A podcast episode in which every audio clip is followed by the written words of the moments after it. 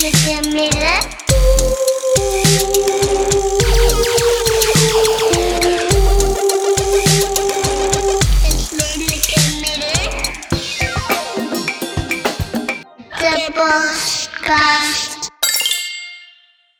allemaal bij weer een nieuwe aflevering van Het Redelijke Midden over de woningmarkt deze keer. Met onze gasten Marijn en Cody.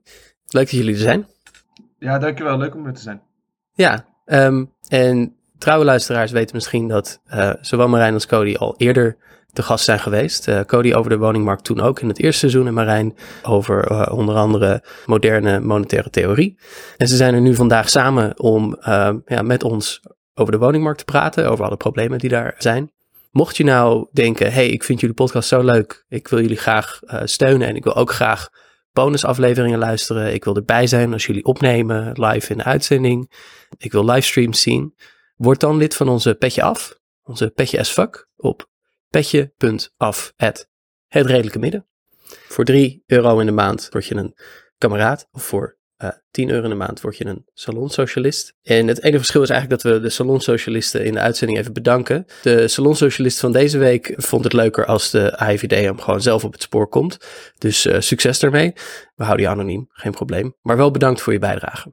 Voordat we beginnen eh, om eh, Cody en Marijn te bevragen, ik zit hier ook met Annelot. Hoi. Annelot, Hey. alles kids? Ja, hoe is het met jou? Ook goed. Ja. Heb je eigenlijk nog iets leuks gelezen deze week? Nou, eh, ik ben natuurlijk hard aan de bak, eh, eigenlijk alleen maar voor deze podcast. Ik kom nergens meer aan toe in mijn leven. Ik lees nu een boek dat heet How to be an Anti-Capitalist in the 21st Century van Eric Olin Wright. En het is het laatste boek dat hij schreef voor zijn overlijden. Um, en ik lees dat niet zomaar. Ik lees dat omdat wij binnenkort nog meer bonuscontent hebben. Zodat nog meer mensen ons hopelijk geld gaan geven. Want ja, moeten ze toch een beetje lokken. En met die bonuscontent willen we eigenlijk ehm, linkse ideeën uitdiepen. En Mhm. mensen daar een beetje handvaat voor geven. En de eerste grote vraag die we gaan bespreken daarin is: wat is anticapitalisme? En Hm. eh, ik ben de, de gelukkige kameraad die daar eh, het voorwerk voor mag doen. Ik ben dus dit boek aan deze. Ik raad iedereen heel erg aan. Dat, is, eh, dat klinkt heel veelbelovend. Ik ben ehm, hier dol enthousiast over. Ja? Ik wou dat ik kon zeggen dat ik ook iets interessants heb gelezen, maar ik, ben, eh, ik zit midden in de voorbereiding voor het vak dat ik deze zomer moet geven. Dus ik ben vooral heel veel oude boeken aan het lezen in, eh, ter voorbereiding eh, daarvan. En wat hebben Ehm, wij daar dan aan? Ja, precies. Ja. Dat moet maar een keer dan zo deze week, denk ik. Cody en Marijn, voordat we echt er, ja, de, de diepte in gaan. Jullie zijn allebei academici. Doen eh, veel onderzoek. Eh, Marijn, je bent econoom. Cody, jij bent sociaal geograaf. Wat is, waar zijn jullie op dit moment... Wat is jullie meest actuele project? Waar zijn jullie op dit moment mee bezig, Cody? Nou, ik ben vooral bezig momenteel met het, met het schrijven van mijn boek. Dat, Ja. dat moet begin volgend jaar uitkomen. Ehm, dus dat is vooral het, ehm, het op populaire manier samenvatten en weergeven waar ik me de afgelopen jaren mee bezig heb gehouden. Ehm, Is dat dus de, de publieksversie van je proefschrift in feite? Nee, het is de publieksversie van, eh, nou eigenlijk waar ik de afgelopen jaren mee bezig ben geweest. Oké. Mijn onderzoek naar de woningmarkt en vooral ook de woonpolitiek die ten grondslag ligt aan de wooncrisis waar we op dit moment mee te maken hebben. Ehm. En dat is denk ik ook het onderzoek waar ik me op dit moment het meeste mee bezighoud. Aan de ene Mhm. kant die wooncrisis, de verschillende aspecten van die wooncrisis in kaart brengen. Ehm, Mhm. Wie zijn de winnaars, maar wie zijn ook de verliezers? En wat zijn nou de uitwassen op de woningmarkt? En aan de andere kant ehm, is, mijn, eh, is mijn stelling, de kern ook van het boek, is dat die wooncrisis niet uit de lucht is komen vallen. En die wooncrisis is geen toeval en het is ook geen, eh, geen neveneffect van slecht beleid. Het is echt de kern van decennia lange woonpolitiek. Ideaal voor deze aflevering. De- Hier, dit komt Ja. dus goed uit. Ja, verder houd ik me bezig met beleggers op de woningmarkt. eh, en dat is een lopend onderzoeksproject. Eh, en dan vooral kleine beleggers die woningen opkopen om ze vervolgens voor woekerhuren te verhuren. Ja, dat, dat vind ik echt een super interessant eh, thema, waar ik eh, zo meteen ook nog wel wat vragen over heb. Ehm, Marijn, wat, is, eh, wat houdt jou bezig deze dagen? Eh, ik, ben, ik ben met twee, eh, twee nieuwe projecten bezig. Eerste project past nog het meest bij de vorige uitzending waarbij ik te gast was. Het Mhm. gaat over de lange termijn effecten van bezuinigingspolitiek in Europa. En het tweede project, waarvan ik hoop dat het niet te ambitieus is, Dat gaat over ongelijkheid tussen generaties in Nederland. En eh, waarbij, denk ik, de rode draad is dat als we iets dieper kijken naar hoe het staat, met name met jongeren in Nederland, dat we toch tot de conclusie moeten komen dat huidige generatie jongeren, dus twintigers, dertigers, er misschien zelfs slechter voor staat wat betreft hun welzijn en welvaart dan dezelfde generatie 20 of 30 jaar geleden. Ehm, en, en dat komt door allerlei spanningen die er, wat mij betreft, ook zijn met, al, met oudere generaties, politiek gezien met name. En, Mhm. en daar is de woningmarkt er dan één van. Ja, ja. Nou, op zich eh, allebei eh buitengewoon geschikte invalshoeken voor, eh, voor ons onderwerp van vandaag. Ehm want die woningmarkt, er is natuurlijk heel veel over te doen. Eh, het is veel het nieuws. Eh, eh, er is anekdotisch ook heel veel. Je hoort heel veel verhalen van mensen die zeggen: Oh, ik wilde mijn droomhuis kopen, maar ik werd met 50.000, soms nog grotere bedragen, tot een ton aan toe overboden. En een maand later zag ik dat huis dan weer ter verhuur worden aangeboden. Of hè, is een starterswoning überhaupt nog wel een starterswoning? Je komt er gewoon niet meer tussen. De huren gieren de pan uit. Het klinkt tegelijkertijd, het voelt als een enorm groot ding of zo, waar je moeilijk grip op kan krijgen. Dus misschien moet ik toch maar aan jullie de vraag stellen van wat is nou, ehm, is er een kern van het probleem waarom die prijzen zo absurd zijn geworden? Is dat de schuld van de VVD? Is het de schuld van de Europese Centrale Bank? Eh, komt het omdat we gewoon niet genoeg bouwen? Waar, waar, waar, waar zit nou de kern? Wil jij beginnen Marijn? Eh, nou ja, ik, ik, heb, ik heb hier eh notes staan en ik heb eh, bij de vraag op wat is de kern van het probleem, dus gevolg van decennia bewust beleid. Maar dat is precies Aha. wat Co- Cody natuurlijk zelf ook net gezegd heeft. Ja, Ehm, en de woningmarkt bestaat in Nederland wat mij betreft eigenlijk uit drie delen. Je hebt, Oké. je hebt sociale woningbouw, je hebt Mhm. een koopgedeelte en een privaat huurgedeelte. En dan heb je nog de, de kant van, van het bouwen. Ja. En ik denk de rode lijn die je ziet in alle drie of, of die vier dossiers, dat er hele grote belangen spelen. En dat er eigenlijk een grote groep Nederlanders is. Ik denk dat dat ongeveer 40% van, of misschien 50% van de Nederlanders is. Die heel erg veel baat heeft bij het afbreken van sociale huur. Hoge huren, hoge woningprijzen en weinig bouwen. En dat is in de kern het probleem. En dat wordt in stand gehouden door politiek beleid. Door partijen die zich richten op die 50% eh, van huishoudens. oké. En, en de, de VVD is daar dan, denk ik, zoals ze in het Engels zeggen, het poster child van. En het, dat, dat denk ik toch allemaal wel over eens zijn dat de VVD zich heel erg richt op de groepen die daarvan profiteren. Dus dat, wie, wie, wie, wie, wie profiteren van hogere huizenprijzen? Dat zijn huizenbezitters, die zijn voornamelijk oud en rijk. En dat zijn eh, verhuurders. Ehm, en, en, en daar richt de VVD zich heel erg op. Ehm, en ik denk als je een VVD'er 10 of 20 jaar geleden had gevraagd hoe wil je dat de- woningmarkt er in 2021 uitziet? Dan hadden ze de woningmarkt beschreven zoals die nu is. Ehm, maar er zijn natuurlijk ook andere partijen, hè, de, klassieke bestuurspartijen, de CDA, PvdA, D66, die hebben daar natuurlijk aan meegedaan en doen ook nog steeds veel van voorstellen die, die, die leiden tot de huidige situatie. Dus het is makkelijk om alles op de VVD af te schuiven, maar de VVD is zeker niet alleen het probleem. Cody, ik zie jou knikken.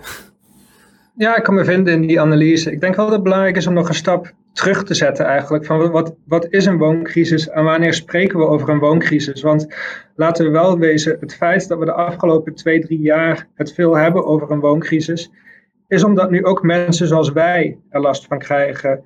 Witte mensen, hoogopgeleide mensen, mensen die eigenlijk opgegroeid zijn met het idee, wij krijgen ooit die, eh, die droomwoning. Ehm, Ja. Voor heel veel andere mensen is het al decennia lang een wooncrisis. Voor heel veel andere mensen is eh, de wooncrisis een, een permanente staat van zijn. Het is alleen nu zo dat het dusdanig uitgebreid is dat het ehm, ook de mensen treft die nou, entitled menen te zijn, om het zo maar even te zeggen. En, en eh, ja, daar behoren wij, ik wil niet voor jullie spreken, maar daar behoort onze doelgroep behoort, behoort daartoe. Ja.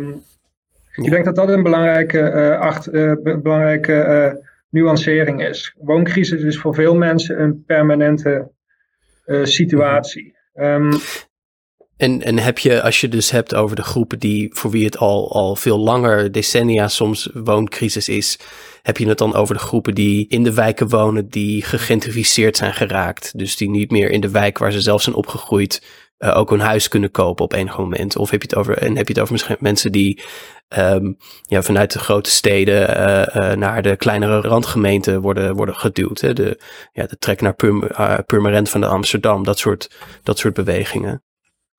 Ja, bijvoorbeeld. Dus het, het staat buiten kijf dat op dit moment meer mensen die wooncrisis ondervinden dan 10, 20 jaar geleden. Mm -hmm. Tegelijkertijd, bijvoorbeeld de dakloosheid is verdubbeld de afgelopen ja. 10 jaar. Maar 10 jaar geleden waren er ook al dakloze mensen. Uh, tien jaar geleden hadden er ook al veel mensen moeite om hun, uh, om hun maandelijkse huur te betalen. Um, maar dat was nog niet zo'n groot politiek issue. Ik denk onder andere omdat um, nu zien we dat ook de journalisten het lastig uh, hebben om een woning te kopen of een woning te vinden. En die gaan er vervolgens stukjes over schrijven. En dat gaat dan uh, viral op Twitter. En dat retweet ik dan en uh, Marijn en Thijs. En ja, zo gaat het dan. Ja, um, ja, en dan heb je het er zomaar over in een podcast ineens. Terwijl we het eigenlijk al veel langer over hadden moeten hebben. Wat, wat, wat ik wel denk dat... kijk, Marijn stipt een belangrijk punt aan. Namelijk dat die woningmarkt... Er zijn verschillende dingen aan de hand. Bijvoorbeeld wat betreft koopwoningen daar is heel erg het idee gaan leven dat hoge prijzen goed zijn. Want hoge prijzen bedienen uh, die 60% van de Nederlanders die al een koopwoning hebben. Mm-hmm. Aan de andere kant zie je dat betaalbaar huren, lage, uh, lage huurlasten, gaan we zien als iets, als iets negatiefs, als iets uh, smerigs bijna. Um, ik, ik zat het voor mijn boek nog even terug te lezen. Je had uh, Erik Wiebes, was uh, wethouder hier in Amsterdam, voordat hij naar de landelijke politiek ging. En um, daar zei hij van ja, Amsterdam heeft ongeveer 60% sociale huurwoningen. Inmiddels is dat 50%. Maar dat was in 2013 was het 60%. En die 60%, daar wonen alleen maar arme mensen en die halen alle dynamiek en alle groei uit de stad. Dus er is heel erg het idee gaan overheersen dat sociale huurwoningen er alleen maar zijn uh, voor arme mensen, die ook nog eens het succes van een stad en het succes van een samenleving um, belemmeren. En dat is natuurlijk niet echt respectvol richting al die hardwerkende mensen die in een sociale huurwoning wonen, ten eerste. En ten tweede is dat een politieke keuze. Die politieke ja. keuze is het beperken van de sociale huursector door de sector te krimpen. Minder sociale huurwoningen, meer sociale huurwoningen verkopen maar ook door die doelgroep kleiner te maken. Tegenwoordig kom je alleen nog maar een aanmerking voor een sociale huurwoning, voor een betaalbare huurwoning, als, uh, als je een laag inkomen hebt. Mm-hmm. Is het daarmee ook een strategie om, um, ja, om, om zeg maar de sociale huur te demoniseren als, wat je ook, een beetje vergelijkbaar met wat je bijvoorbeeld ziet in, uh, in uitkeringen en toeslagen. Dus je maakt eerst de groep mensen die er uh, een aanspraak op kan doen kleiner, zodat je makkelijker heel veel weerstand kan mobiliseren tegen het bestaan van de voorziening überhaupt door de groep die net erbuiten valt. Ja, dat is volgens mij wel de strategie. Je, had een, je hebt zo'n quote van uh, Richard Titmuss. Hij was een uh, architect van de naoorlogse Britse verzorgingsstaat. Mm. En hij zei: um, Services for the poor are poor services. Dus als je een armoedige voorziening of als je een voorziening voor de armen maakt, creëer je een armoedige voorziening. Want mensen denken, dit is er niet voor mij. Um, ja. Hier maak ik geen aanspraak op. Waarom zou ik dit steunen? En vervolgens zien ze ook nog van, ja, die sociale huurwoningen, dat zijn allemaal, dat gaat alleen maar naar mensen die, ja, die, de, die de middenklasse misschien liever niet in de buurt heeft wonen, bijvoorbeeld. Ja, en dan, dan, ja. dan kalft de maatschappelijke steun voor die sector af. Ja, ja, ja. Um, je zei eerder iets uh, over uh, hè, al die sociale huurwoningen zijn op een gegeven moment op de markt gebracht als koopwoningen. Of tenminste, er, dat, dat is een trend geweest en dat gebeurde op grote schaal. Uh, die huizenprijzen, er wordt van gedacht, als het maar hoog is, dan is dat iets goeds. Marijn, jij hebt daar, geloof ik, ook wat twijfels bij. als, je, als je specifiek kijkt naar, naar, naar de koopsector, ik, ik wil nog wel aanhaken op wat Cody zei over sociale huur. Als je, ik denk dat veel mensen, zoals hij zegt, van, van, van, van onze demographic, zeg maar, dat, dat niet weten. Maar als je kijkt naar Nederland, wat is nou de samenstelling van wat voor woningen we hebben? Dan woont maar een heel klein gedeelte van Nederlanders woont in die vrije huursector waar de huren de pan uitreizen en waar in de media ontzettend veel over geklaagd wordt. En een, Mhm. veel, een veel, veel groter gedeelte woont in sociale huur. Maar als je kijkt naar krantenartikelen en de aandacht die erop eh, is op tv, is dat natuurlijk totaal omgekeerd eh, wat betreft de proporties. Als het Mhm. gaat om de hogere huisprijzen, ja, ik denk dat we, wat, wat Cody zegt, is in Nederland hebben wij een idee dat kopen is goed, huren is slecht. Maar we hebben ook het idee dat überhaupt stijgende prijzen goed zijn en dan in ieder geval goed zijn voor de mensen die een huis bezitten. En dat is eigenlijk natuurlijk een beetje apart, want economisch gezien, wat is een huis? Een een huis is eigenlijk zijn twee dingen. Een huis is een consumptiegoed. Hè? Dus Mhm. elke dag woon je in je huis en je geniet ervan. En je, je, je slaapt er en je hebt vrienden over de vloer. Mhm. En dan is het fijn als je misschien wat meer ruimte hebt. Of je hebt een, fijne badkamer en een fijne keuken. En een huis is tot op bepaalde hoogte ook een, een investeringsgoed. In de zin van dat je er, ermee kan sparen. En eh, ik denk dat wij in Nederland totaal zijn doorgeslagen in huizen zien als een investering. En niet Mhm. als consumptie. En eh, als je nou denkt aan, laten we nou iets nemen wat gewoon een normaal consumptiegoed is. Zoals een auto. Of, eh, dat is ook een grote aankoop. Er staat niemand te springen als de autoprijzen verdubbelen. Ja. Eh, wa- waarom is dat? Nou, dan kunnen we met het bestaande geld dat we hebben, kunnen we minder auto's kopen. Dan is onze welvaart natuurlijk lager. Maar, maar we hebben dat idee dat de, we de- onze welzijn, als het gaat om de huizenmarkt, uitdrukken in euro's. Terwijl eigenlijk moeten we dat natuurlijk uitdrukken in wat is de woonervaring van, van mensen. En, en je ziet dat bij mensen in de 20 en 30 zie je dat veel. Die, die hebben een huis gekocht. En dan is het Mhm. idee, nou nu ben ik binnen. En dan gaan de huizenprijzen stijgen. Nou, dat is dan de afgelopen eh, vijf jaar eh, sterk gebeurd. En, eh, en die twintigers en dertigers, die, die, die, die starters, zijn er heel blij mee. Nou, eigenlijk is dat want jouw woonervaring wordt duurder. En het, het volgende huis dat je zou willen kopen, om misschien wat groter te gaan willen wonen en een gezinnetje mee te stichten, dat wordt nog duurder. Dus uiteindelijk ben je zelf ben jij, ben je slechter af. Eh, en, en dat heeft gedeeltelijk ook waarschijnlijk te maken met eh, dat je jezelf vergelijkt met je leeftijdsgenoten. Dus dan, hè, je bent dan die starter, dan ben je trots en fijn dat jij niet eh, zo'n zakker bent die huurt. Mhm. Maar ik denk dat ook mensen van onze generatie is dat, dat rare idee dat stijgende huizenprijzen altijd maar goed zijn, dat is dit heel diep bij ons ingesleept. Nou ja, ik denk dat, dat je vooral heel erg daar nu een, eh, een soort schisma in ziet tussen dus twee groepen. Van de ene groep mensen die hun ingang heeft kunnen vinden en helemaal meegaat in inderdaad hoe duurder, hoe beter en het gaat mij zo goed. En aan de andere kant mensen, eigenlijk zoals ik bijvoorbeeld. Ik woon eh, in een eh, kamer die ik huur met twee huisgenoten en ik zit hier vast. Ik zou best graag met mijn partner willen wonen, maar er zijn geen huizen beschikbaar die wij kunnen betalen. Terwijl we allebei dertigers zijn die werken. Een koophuis is niet eens in ons eh, hoofd als een idee dat bestaat. En je, je ziet eigenlijk dat je dat dan bijna niet meer uitgelegd krijgt aan die andere groep die bezig is met die huizen kopen en een soort van, eh, ja, je volledig uit het oog verliest als je daar niet eh, ehm, in mee bent gekomen op het moment dat dat blijkbaar nog ging of zo.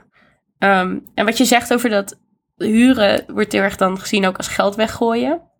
En, en kopen als investering. En ik vind ook de rol van geld lenen daar dan heel interessant in. Omdat eh, het idee van lenen eh, heel erg gestigmatiseerd is bij een bepaalde groep van mensen. Maar een, een mooie grote hypotheek, dat is eigenlijk wel mooi. En daar mag je dan ook je studieschuld voor verzwijgen.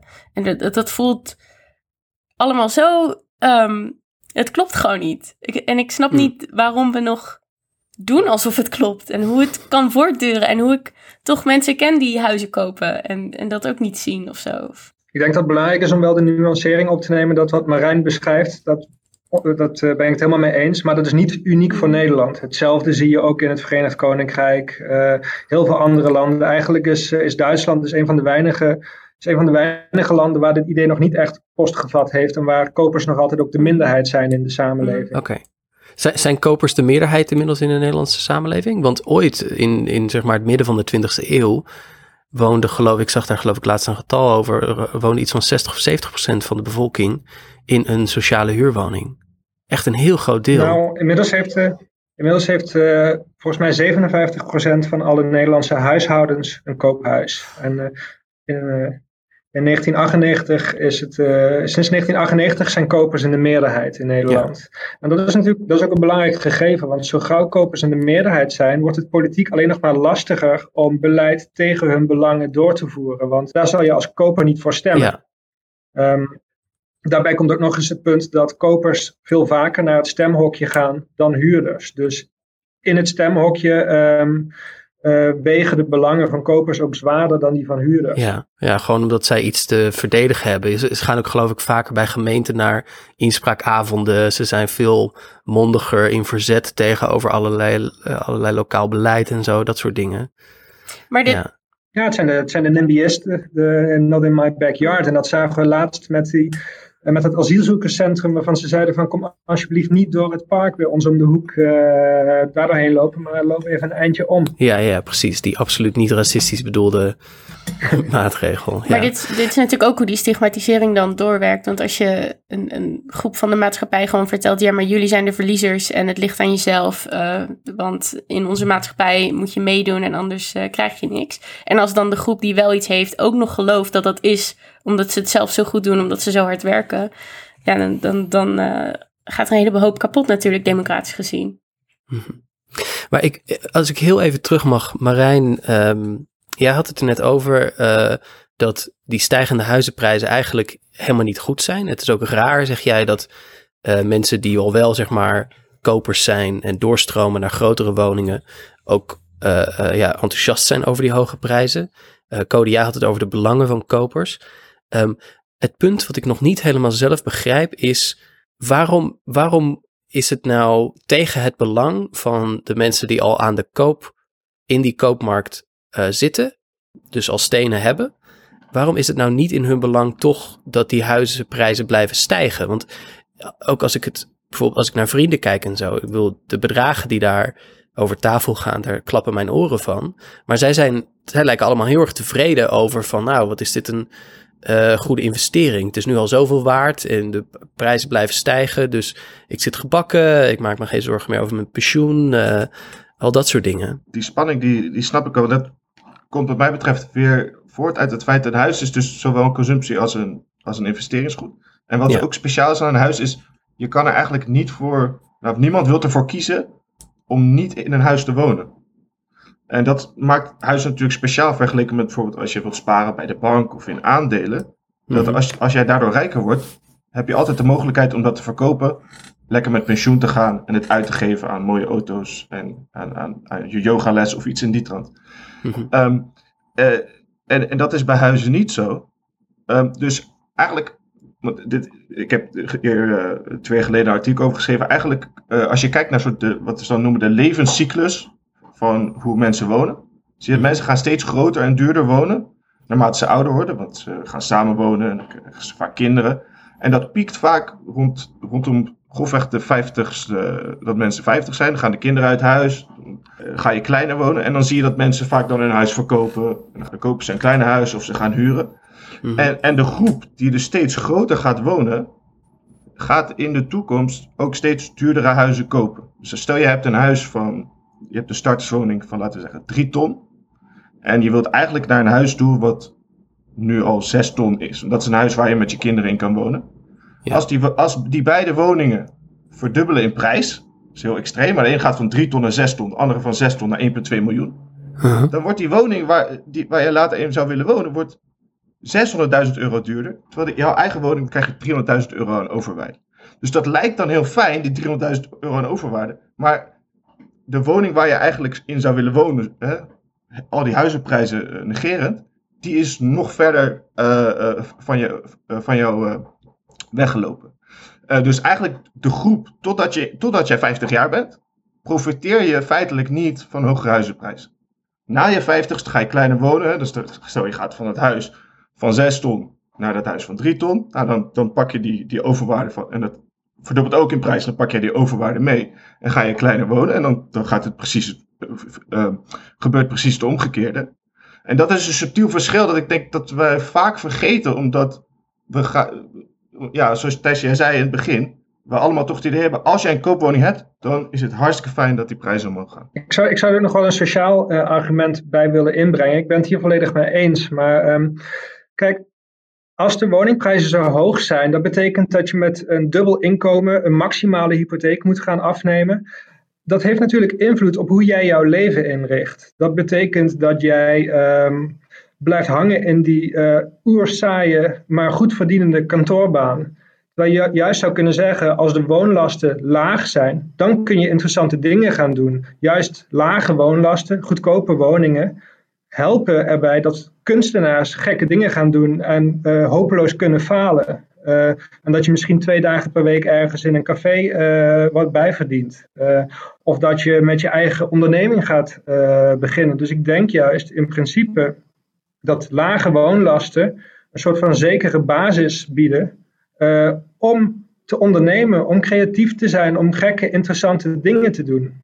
En eigenlijk die die mogelijkheid, dat verengen we nou van je moet maximaal uh, gaan lenen, je moet, je wordt in die mal geduwd, gedrukt als het ware. Ja, dus je keten jezelf eigenlijk vast aan de, aan de hypotheek die je aangaat. Uh, en, en je moet maar hopen dat rond de tijd van je pensioen dus inderdaad die investering het waard is gebleken. Uh, dat je dus in het... Ja, dus je bent, je bent eigenlijk bezig als een soort van mini-kapitalist die, uh, die probeert rendement te behalen. Want inderdaad, die volgende woning wordt ook duurder. Maar je moet wel meedoen, anders, anders, anders drijft die volgende woning alleen maar verder en verder en verder uit het -hmm. zicht. -hmm.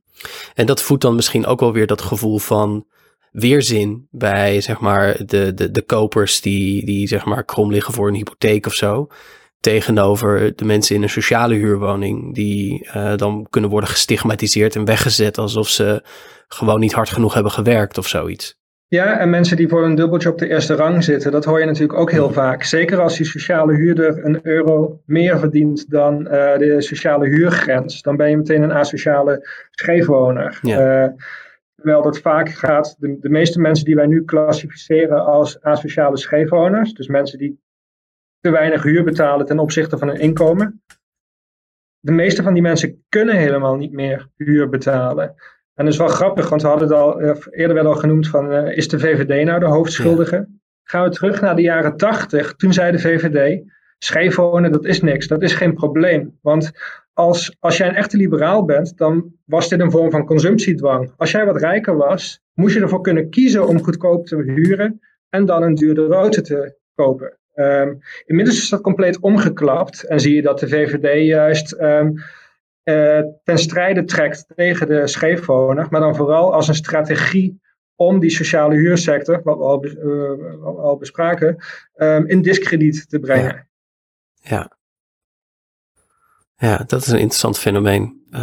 dat ze dat dus kennelijk zo, uh, zo zijn omge, omgeslagen daarin. Zijn andere ja, ze vonden het consumptiedwang ja. en ze vonden het ook een, uh, ze vonden een uh, socialistisch stokpaard. Het, het, idee van de scheefwoner.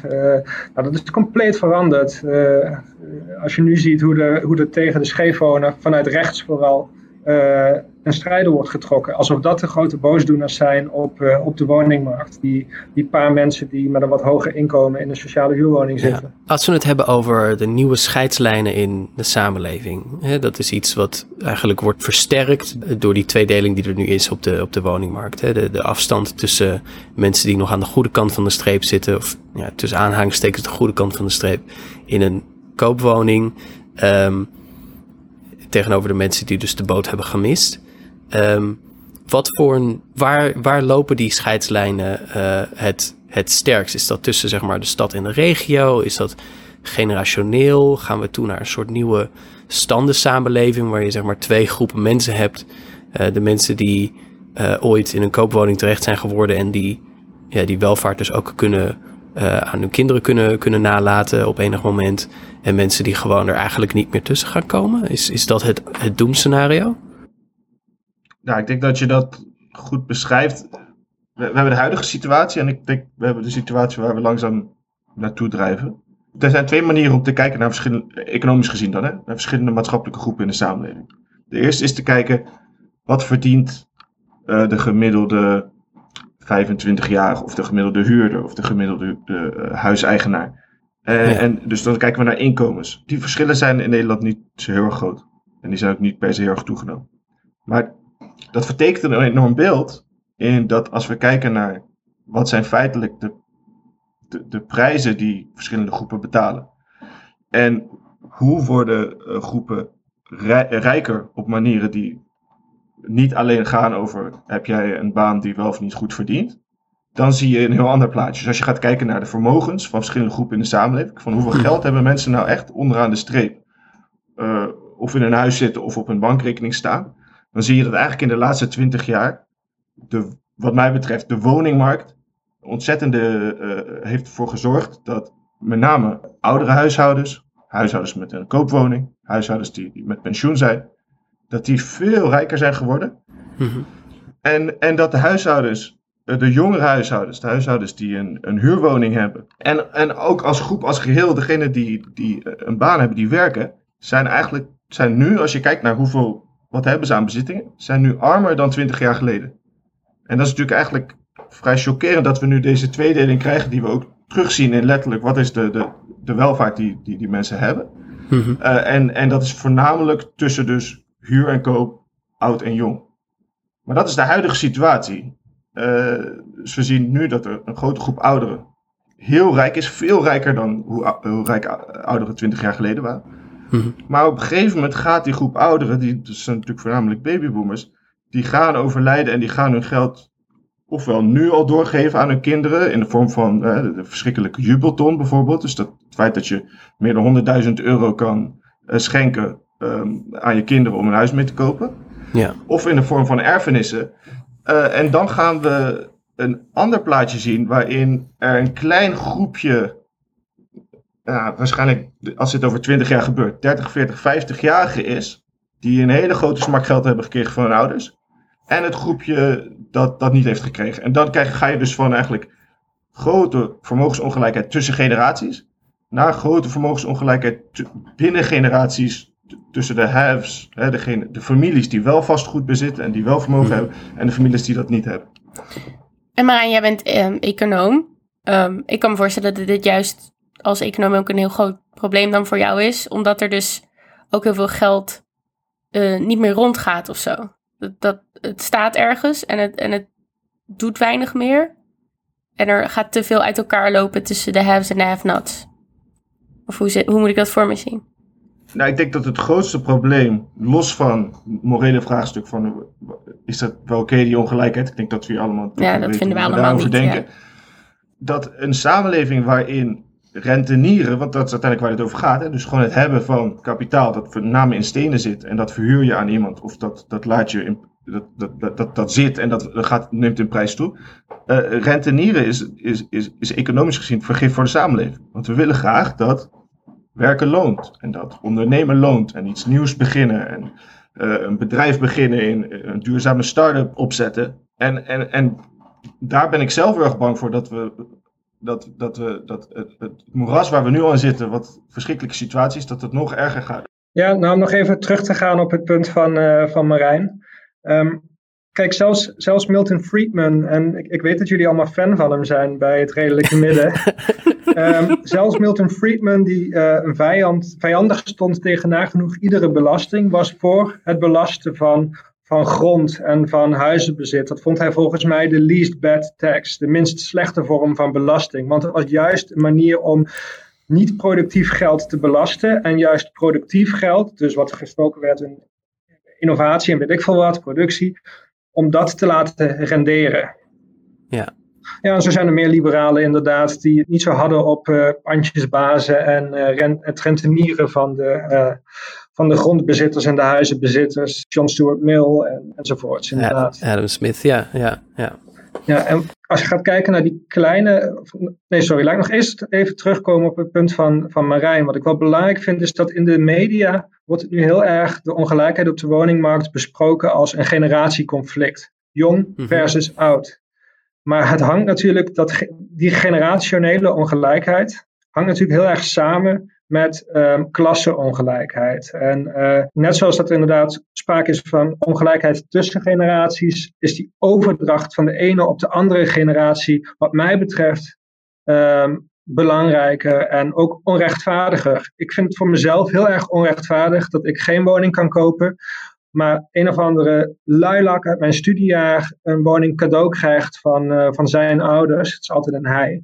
Dat, dat, is, dat staat natuurlijk compleet haaks op, eh, op gevoelens van, van rechtvaardigheid. Ja, ik hoor jullie eigenlijk twee dingen zeggen. Want is dus aan de ene kant is dat morele, eh, sociale argument. Dat dit onrechtvaardig is en niet zou eh, moeten kunnen. En aan de andere kant is er een economisch argument. Dat het de economie zelf niet ten goede komt op de lange termijn. En ik vraag me alleen maar af, maar hoe kan dit beleid er dan toch zijn?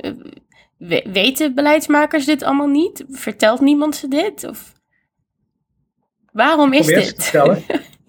Ja, ik denk, dat, ik denk dat Cody en ik er allebei over eens zijn dat politici een stuk, een stuk beter snappen wat er gaande is dan, we vaak, dan vaak in de media wordt, eh, wordt voorgesteld. Eh, dus eh, als je kijkt naar het beleid wat wordt gemaakt op de huizenmarkt, en dan, ik noemde al de jubelton, maar je hebt, Anne-Lotje had het over leennormen, als je het hebt over de verhuurdersheffing die de sociale eh, woningbouw kapot heeft gemaakt, daar worden vaak redenen voor gegeven als eh, we willen starters helpen en we willen, ehm, eh, we willen eh, wel iets aan sociale huur doen, maar dan gaan we het scheef wonen aanpakken en allerlei kromme argumenten.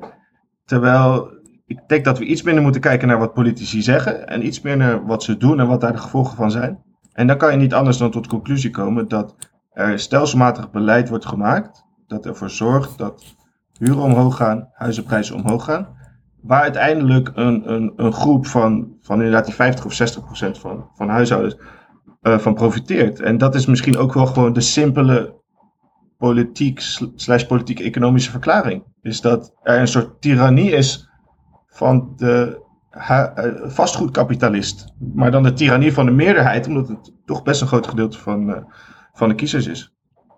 Ja, een, een groot deel van de kiezers is vastgoedkapitalist. Ja, nou ja, ehm, eigenlijk natuurlijk wel. Cody, kun jij ons iets meer vertellen? Want, eh, of is dit misschien een spoiler van, van het boek dat, eh, dat volgend jaar moet beschrijven, eh, verschijnen? Maar ik geloof dat jij een tijdje geleden alweer een plaatje twitterde van...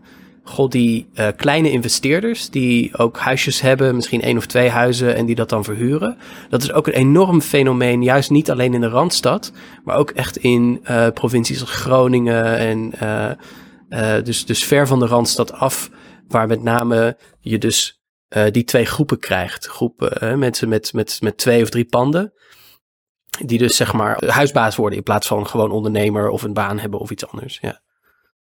Ja, je ziet de afgelopen jaren zie je een forse groei van die eh, particuliere huursector. En eh, dat moet je zien in een context waarin decennia lang, eigenlijk sinds de Tweede Wereldoorlog, kromp de particuliere huursector. Dat was ook beleid. Het idee was, die particuliere hu- eh, huursector, dat zit vol met huisjesmelkers, dat is iets van de 19e eeuw. Daar moeten we van af zien te komen. Ehm, Ja. En eigenlijk ehm, in Nederland, vanaf de financiële crisis van 2008, zie je dat er opeens weer groei in zit. Eh, en dan vooral die groei, ehm, nou, die komt deels van de grote investeerders, buitenlandse beleggers. Ehm Stef Blok ging als woonminister ook eh, vastgoedbeurzen af om buitenlandse beleggers eh, aan, te, aan te trekken.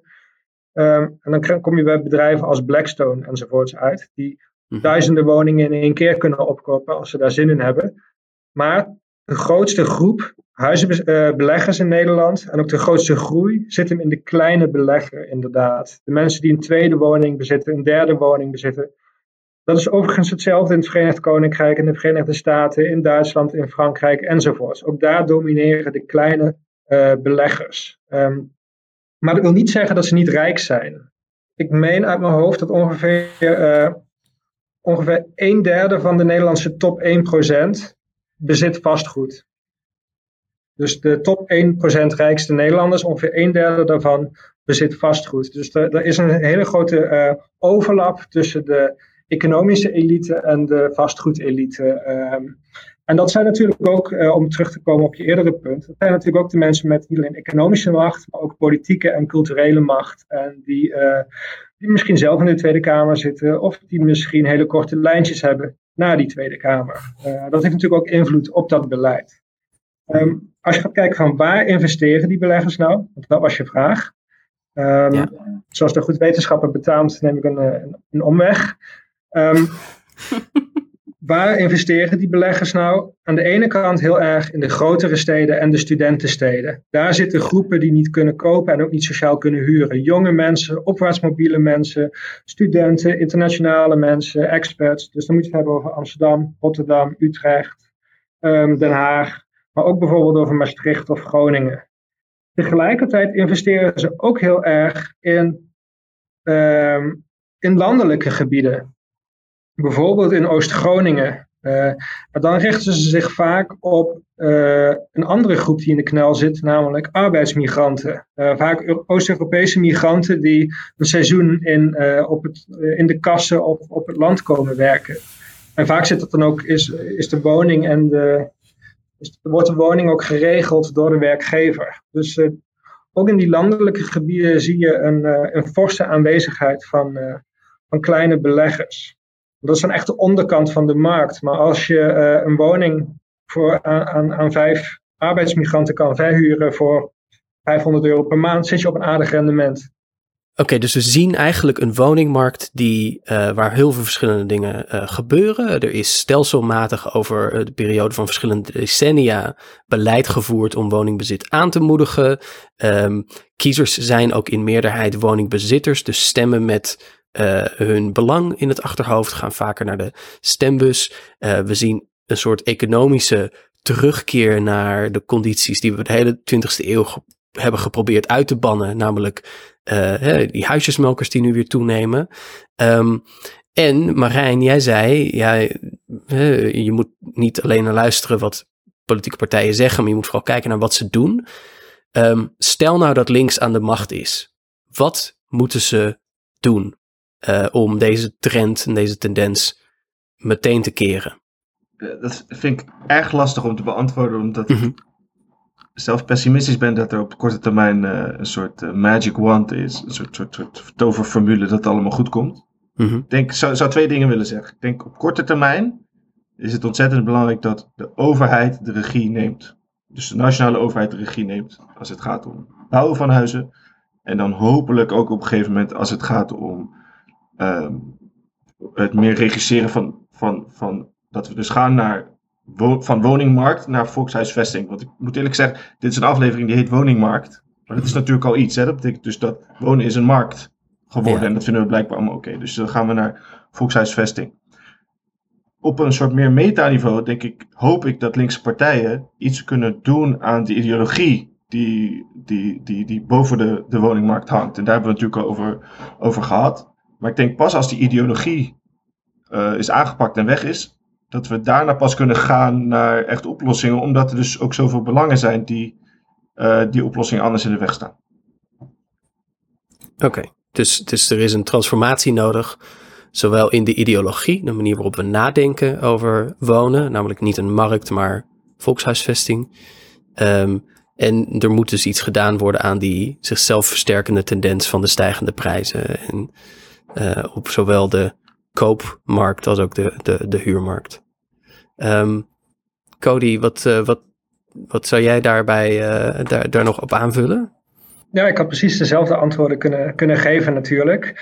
Um, wat denk ik belangrijk is, is dat ik denk dat, ik ben het niet met ze eens, maar ik denk wel dat rechts effectief woonbeleid heeft gevoerd. Als in, ze hebben een heel consistent verhaal en ze dragen de hele tijd datzelfde consistente verhaal uit. Ik vind het geen goed verhaal, uh, maar het is wel een lekker simpel verhaal dat veel mensen kunnen volgen uh, of denken te kunnen volgen. Uh, linkse politiek daarentegen is veel zwalkender. Daar is ook al onderzoek naar gedaan. Dat gaat soms, soms is het voor de koopwoningmarkt en dan is het weer van meer sociale huur. Dus daar zit veel minder een lijn in. Ik denk echt dat het aan links is om weer een inspirerend alternatief verhaal te vertellen over de rijke uh, traditie van volkshuisvesting die we in Nederland, uh, in Nederland kennen. Dus dat vertelde, dat vertelde Marijn ja. ook eigenlijk al.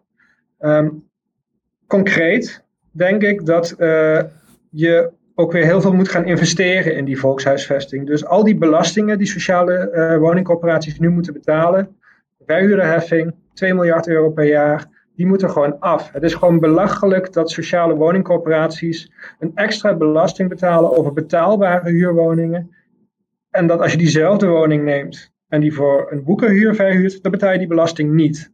Nou, Zo'n soort belastingen, verhuurderheffing, maar ook bijvoorbeeld de vennootschapsbelasting, dat moet er gewoon meteen van af. Dat scheelt miljarden per jaar en die miljarden kun je investeren in het laag houden van de huren, verduurzaming, ook belangrijk, uh, nieuwbouw enzovoorts. Uh, dus dat is volgens mij uh, dat zou je meteen moeten doen, maar dat moet onderdeel zijn van een breder pakket waarin die volkshuisvesting, die sociale huurwoningen, niet alleen voor mensen met een laag inkomen zijn, maar verbreedt die toegang weer. Dat ook voor mensen met een middeninkomen. Toen ongeveer 100 jaar geleden heel veel woningbouwverenigingen werden opgericht, was dat vaak uh, voor en door Ja. de middengroepen van die tijd. Dus bijvoorbeeld eh, leraren, dat is typisch zo'n groep die altijd in de media wordt aangehaald eh, als de groep die in de knel zit. 100 jaar geleden werden de woningbouwverenigingen eh, door en voor leraren opge- opgericht. Eh, en nu mogen leraren niet meer in een sociale huurwoning zitten. Dat is, Ja. dat is heel krom. Ja, ja dat klinkt ehm, praktisch genoeg, denk ik, voor, voor linkse partijen in ieder geval om mee aan de slag te gaan. Maar er is een. En belasten van vermogen. Ik dacht dat Marijn dat Ja, zou ik- zeggen. Dus dan. eh, Ik, ik, ik, Sterke ik, ik belasting wilde daar zoiets vermogen. in die trant gaan zeggen, maar ik zit misschien iets te vast in mijn pessimisme dat ik wilde graag iets zeggen wat ik dacht dat ook politiek haalbaar zou zijn. En, Oh ja. eh, als je, jullie eh, hadden het er net al even over, als je denk ik puur belastingtechnisch gaat, gaat kijken, dan wordt er van een grondbelasting, dat noemen economen altijd de perfecte belasting. Omdat het namelijk niet ontmoedigt eh, voor mensen om te werken of te ondernemen, maar simpelweg de mensen belast eh, die land bezitten. En land is van ons allemaal. En als we land belasten, dan, dan verdwijnt het land niet opeens. Dat zal er altijd gewoon zijn. En ik Ja. denk dat zoiets zou ontzettend mooi zijn. Maar dit is een idee wat al eeuwen oud is. En wat eigenlijk in geen enkel land is ingevoerd. En dat zegt misschien ook hoe weinig invloed economen misschien in de praktijk ook hebben. In de zin van dat de ideeën die eh, worden voorgesteld door, door academici zoals Cody en ik, die worden soms geadopteerd, maar voornamelijk als het politie en beleidsmakers goed uitkomt. Mhm. Ehm, dus als ik zou willen dromen, dan zou ik zeker naar, naar, naar zoiets willen. Naar echt een, eh, naar, is dat dan een grondbelasting of een vermogensbelasting op, eh, op stenen?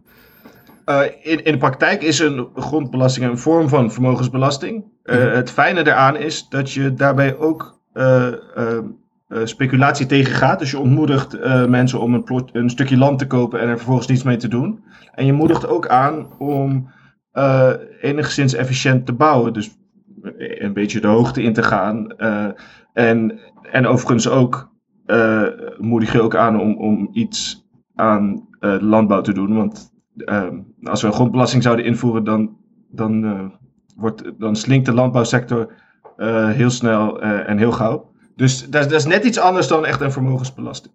Ja, het klinkt wel als een, dat, dit, deze belasting klinkt mij wel echt in de oren als een soort, nou als je er nou eentje als een silver bullet mocht afvuren, dan, eh, dan, dan, dan heb je hier wel een hele hoop profijt van. Daarmee zijn we met, ja, het is, het is wel een hoopvolle boodschap, het is een goede boodschap, ehm, hopelijk ook voor de linkse partijen. Ehm, maar daarmee komen we aan het einde van deze aflevering. Ehm, maar niet voordat wij nog even hebben stilgestaan bij wat het redelijke midden is van deze week. Ehm Annelot, heb jij een redelijke midden van deze week? Ja, ik eh, heb even na zitten denken over eh, alle ontwikkelingen op liefdesgebied in eh, politieke dating apps. Dus ik heb nu het idee dat we misschien een redelijke midden dating app moeten maken voor linkse mensen, waar je dan mensen kunt vinden om de rest van je leven ruzie mee te maken. Want zo doen we dat. Ja. Ja, Ik vind dat een uitstekend voorstel. Eh, mijn redelijke midden van deze week is dat ehm, alle mensen op de wachtlijst voor een sociale huurwoning met een urgentieverklaring ehm, krijgen die ogenblikkelijk toegewezen. En als er geen sociale huurwoning beschikbaar is, dan krijgen ze de woning van een willekeurig VVD-lid toegewezen. Ja. Lijkt me een, een prima, een prima maatregel die ook de VVD ontmoedigt om eh, het beleid te blijven maken dat ze zo lang hebben gemaakt. maar goed idee. Oké. Dan nog eh, aan u, aan jullie, lieve luisteraar. Ik hoop dat jullie dit een leuke eh, aflevering vonden. Ik eh, in ieder geval wel. Ik heb er ook veel van opgestoken. Ehm, en vergeet natuurlijk niet, mocht je vriend willen worden, kameraad van de podcast, dan kun je naar petje.af slash het redelijke midden. Kan al voor 3 euro in de maand.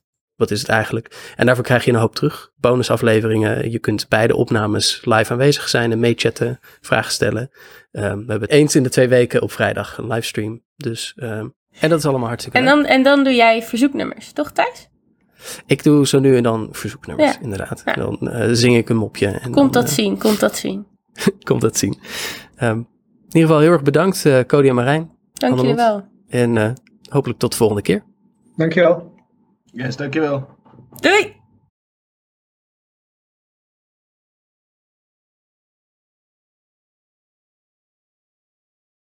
Want het is woningnood en de kans is groot dat je droom maar zo verboden wordt. De woningmarkt die is aan gort. Woningnood en nu sta je rood. Cody en Marijn zijn hier. Thijs en Annelot, dat maakt het vier voor jou. Whoa.